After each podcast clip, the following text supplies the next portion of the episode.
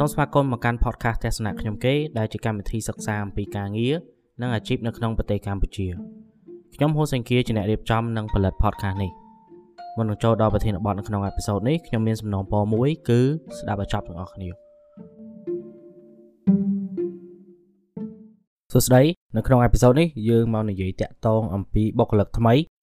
ដែលគាត់ទៅនឹងចូលធ្វើការហើយគាត់មានបំណងចង់កែប្រែការរបៀបធ្វើការទាំងមូលនៅក្នុងក្រុមហ៊ុនហ្នឹង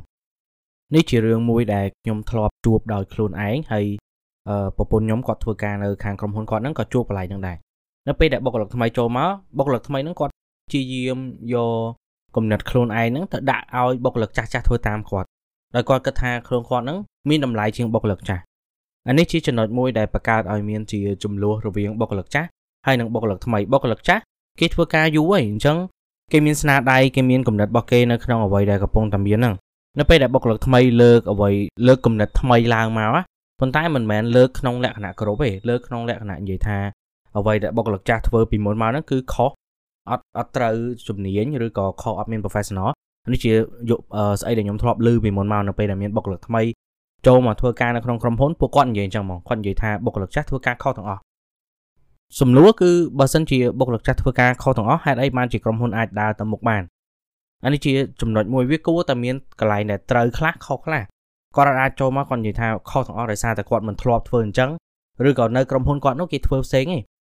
អឺនេះជាចំណុចដែលបុគ្គលិកថ្មីអត់យល់បុគ្គលិកថ្មីគិតថានៅពេលដែលគេជួគាត់មកហ្នឹងគឺគាត់ត្រូវតែមកផ្លាស់ប្ដូររបៀបធ្វើការរបស់គេផ្លាស់ប្ដូរការគិតរបស់បុគ្គលិកចាស់ប៉ុន្តែមិនមែនទេអ្វីដែលក្រុមហ៊ុនត្រូវការពីបុគ្គលិកថ្មីគឺមានតែពីរទេទី1គឺចំណេះដឹងថ្មីអ្វីដែលអ្នកនៅក្នុងក្រុមហ៊ុននឹងអត់ទាន់ចេះ ទី2គឺបទពិសោធន៍នៅខាងក្រៅ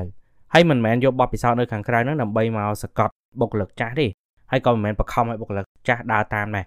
បទពិសោធន៍នៅខាងក្រៅរបស់បុគ្គលិកថ្មីហ្នឹងគឺគ្រាន់តែជា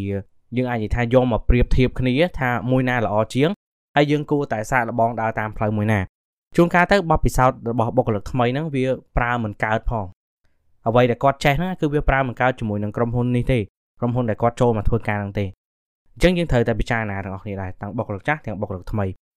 ហើយទំនាស់រវាងបុគ្គលិកចាស់និងបុគ្គលិកថ្មីនេះកើតឡើងមានគ្រប់កន្លែងទាំងអស់ជាពិសេសនៅពេលដែលបុគ្គលិកថ្មីចូលមក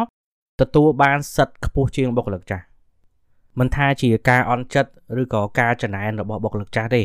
ទំនាស់ដឹងតែមានហើយហើយអ្នកដែលដោះស្រាយទំនាស់នោះបានគឺមានតែថ្នាក់លើដែលខ្ពស់ជាងបុគ្គលិកចាស់និងបុគ្គលិកថ្មីហ្នឹងពួកគាត់អាចយល់ពីទំនាស់ហ្នឹងគាត់អាចគួរតែដោះស្រាយចេញហើយបើសិនជាដោះស្រាយមិនចេញទេតាម ខ្ញុំគិតទេណាបុគ្គលិកចាស់នឹងដើរចេញនៅខ្លួនឯងឬក៏ពួកគាត់ចាប់ដើមមានការប្រកាន់បាក់ពួកនៅក្នុងក្រុមហ៊ុនអានេះជារឿងដដែលដដែលដែលវាកើតឡើងនៅគ្រប់ក្រុមហ៊ុនទាំងអស់អញ្ចឹងបើសិនជាអ្នកទាំងអស់គ្នាដែលកំពុងតែស្ដាប់អេពីសូតហ្នឹងគឺជាបុគ្គលិកថ្មីទៅធ្វើការនៅក្រុមហ៊ុនមួយទៀតត្រូវចាំថាអ្វីដែលយើងអាចផ្ដល់ឲ្យគេបានទីមួយគឺចំណេះដឹងរបស់យើងចំណេះដឹងថ្មីដែលគេអត់មានមួយទៀតគឺបទពិសោធន៍នៅខាងក្រៅដើម្បីឲ្យអ្នកដែលនៅខាងក្នុងហ្នឹងគេប្រៀបធៀបគ្នា ពេលដែលយើងចូលធ្វើការភ្លាមយើងព្យាយាមបង្ហាញពីសមត្ថភាពរបស់យើងបង្ហាញពីសារៈប្រយោជន៍របស់យើងថាពេលដែលយើងមកធ្វើការយើងអាចជួយអីគេបានខ្លះមិនមែនពេលដែលយើងចូលទៅយើងធ្វើឲ្យគេចាប់ដើមសង្ស័យថាតើមួយនេះមកបំផ្លាញប្រយោជន៍អីរបស់គេខ្លះ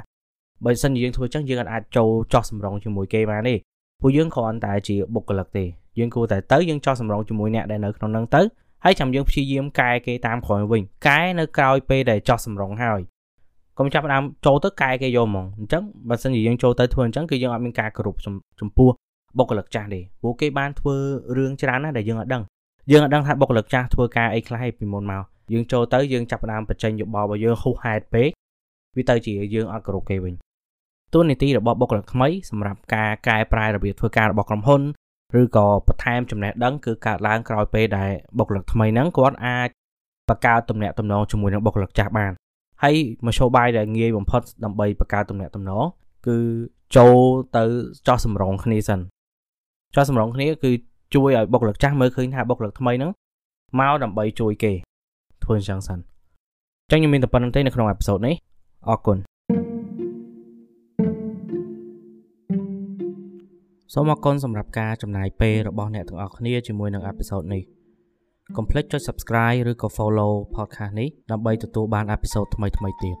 សម្រាប់ព័ត៌មានបន្ថែមសូមចូលទៅទំព័រ Facebook ទស្សនៈខ្ញុំគេដែលសរសេរជាភាសាខ្មែរ